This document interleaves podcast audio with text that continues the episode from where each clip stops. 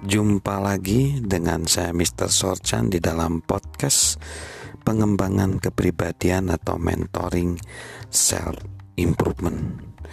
Mengubah pikiran kita tidaklah salah. Psikolog Sheldon Kopp mengatakan, semua pertempuran yang penting terjadi di dalam diri kita. Itu memang benar. Orang mengadakan pertempuran paling berat melawan kelemahan serta kegagalannya sendiri. Selama bertahun-tahun, John James Audubon pasti menganggap keinginannya untuk menyandang senapannya serta membawa buku gambarnya dan menghilang di hutan sebagai kelemahan yang fatal karena ia pikir seharusnya ia menjalankan bisnis. Namun ketika ia sadar bahwa senapan serta buku gambarnya adalah alat usahanya, segalanya menjadi lebih jelas dalam pikirannya.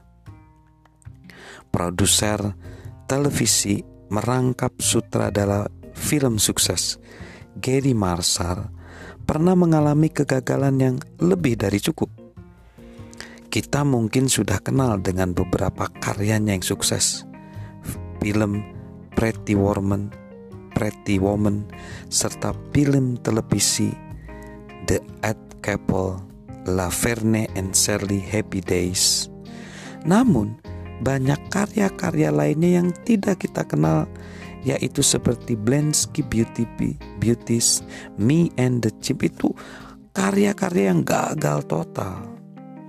Kebanyakan orang suka melawan kekurangan mereka atau menyangkalnya sama sekali kata Marshall. Saya selalu menemukan bahwa paling baik mengatakan begini. Inilah kelemahan-kelemahan saya. Sekarang saya harus mencari sesuatu yang menjadi keterampilan saya. Janganlah gunakan kelemahan-kelemahan kita sebagai alasan untuk menyerah. Majulah ke depan atau ke samping.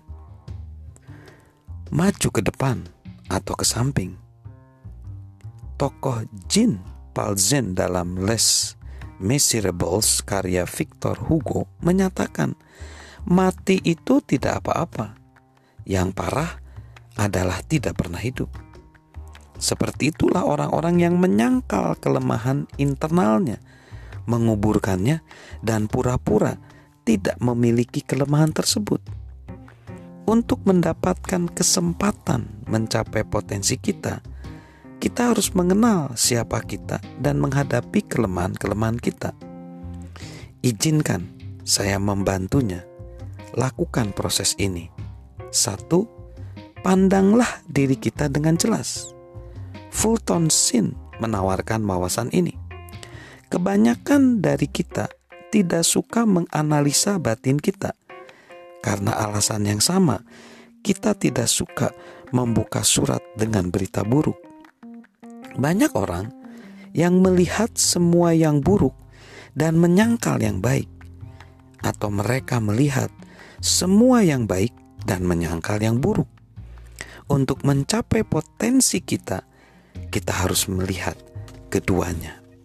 Yang kedua, akuilah kelemahan-kelemahan kita dengan jujur.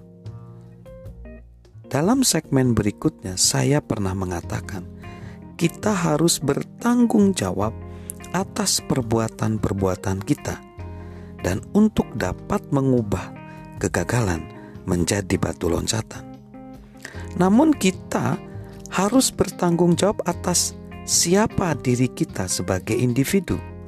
Itu artinya menerima apa yang tidak dapat kita lakukan karena keterampilan, apa yang seharusnya tidak kita lakukan karena talenta, dan apa yang jangan kita lakukan karena karakter. Itu selalu tidak mudah. Yang ketiga, temukan karakter kita dengan riang gem, dengan riang gembira. Memaksimalkan kekuatan kita adalah langkah berikutnya dalam proses ini. Tak seorang pun pernah mencapai impiannya dengan memilih bidang yang bukan merupakan kekuatannya. Agar berprestasi, lakukanlah apa yang dapat kita lakukan dengan baik. Yang keempat, bangunlah di atas kekuatan-kekuatan tersebut dengan penuh semangat. Seperti Audobon, kita hanya akan menjadi lebih baik jika secara antusias kita mengembangkan bakat-bakat kita. Kita dapat mencapai potensi kita besok jika kita curahkan diri kita terhadap pertumbuhan hari ini. Ingatlah, untuk mengubah dunia kita, kita harus terlebih dahulu mengubah diri sendiri. Salam mentoring, salam sukses luar biasa dari saya, Mr. Sorchan.